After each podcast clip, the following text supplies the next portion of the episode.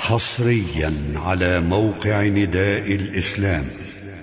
الحمد لله نحمده ونستعينه ونستغفره ونعوذ بالله من شرور أنفسنا ومن سيئات أعمالنا.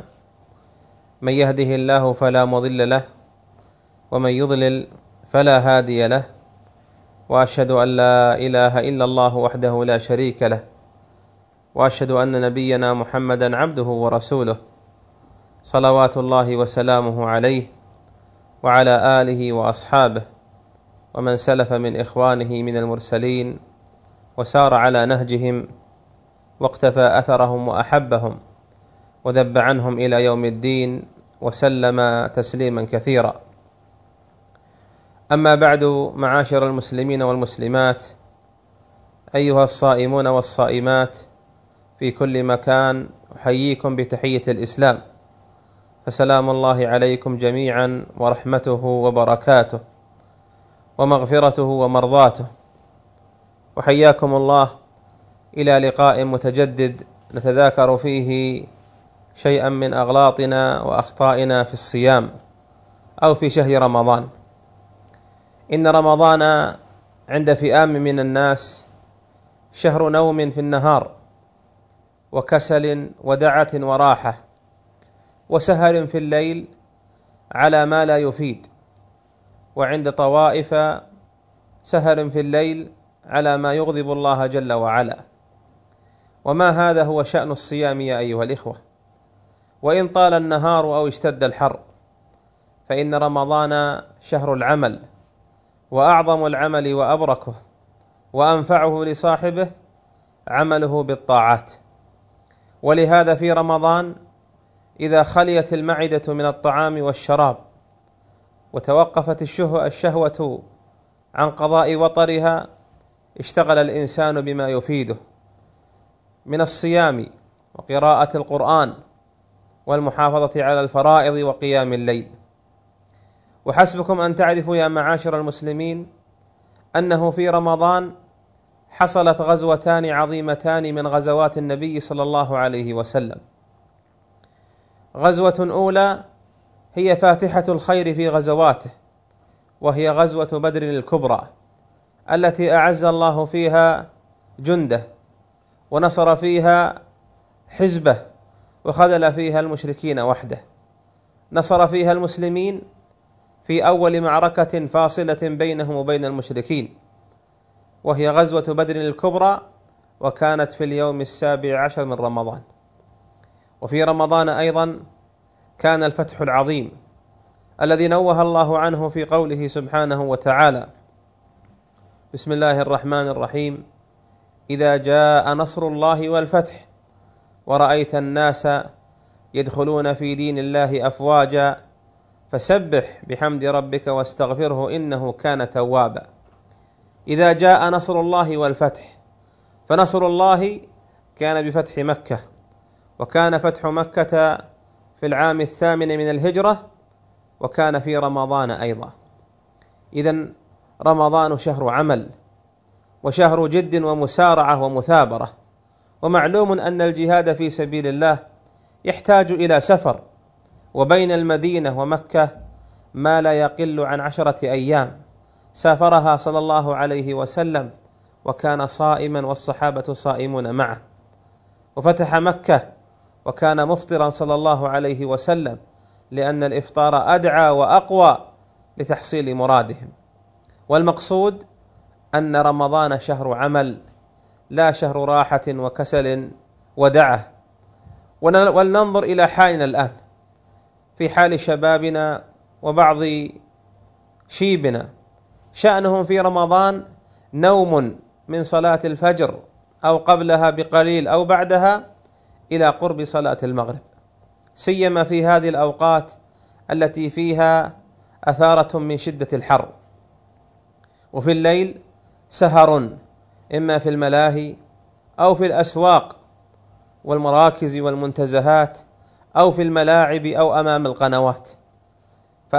فهذا وأمثاله ممن جعلوا الصيام اتباعا للشهوات والرغبات وتضييع للفرائض والواجبات.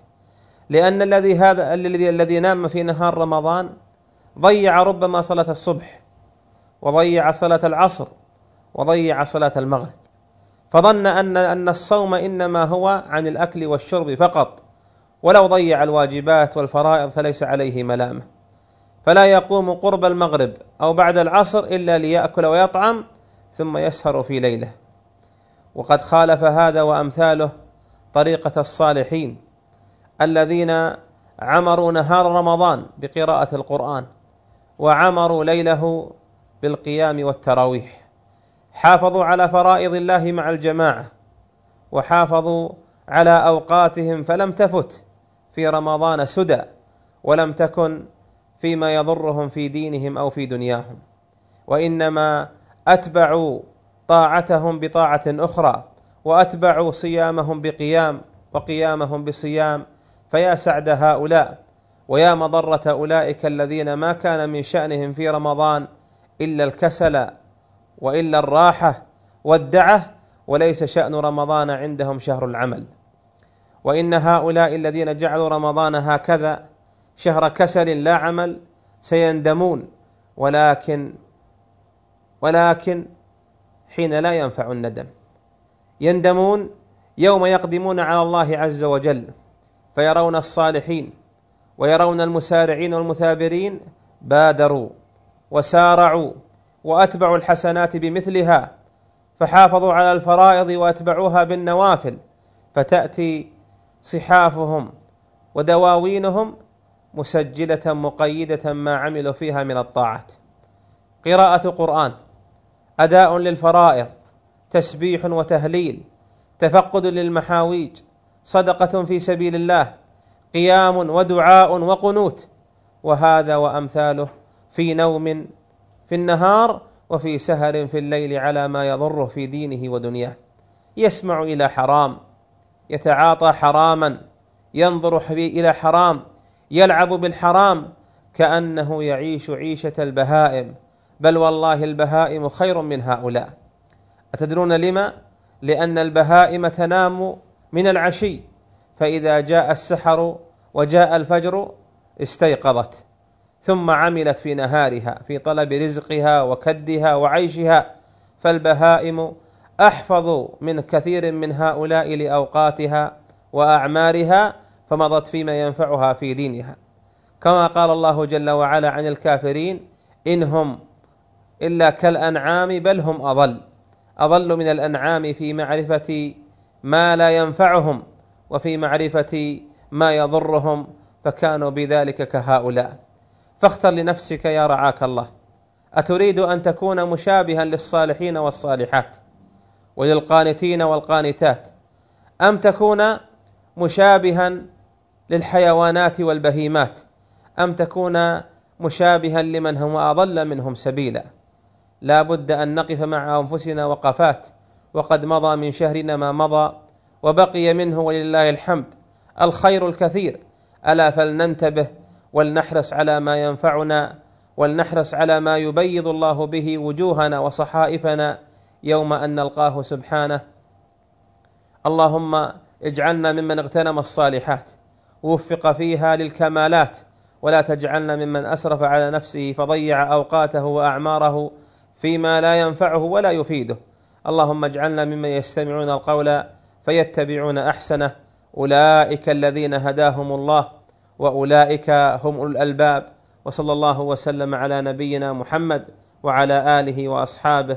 والسلام عليكم ورحمة الله وبركاته. تم تنزيل هذه المادة من موقع نداء الإسلام.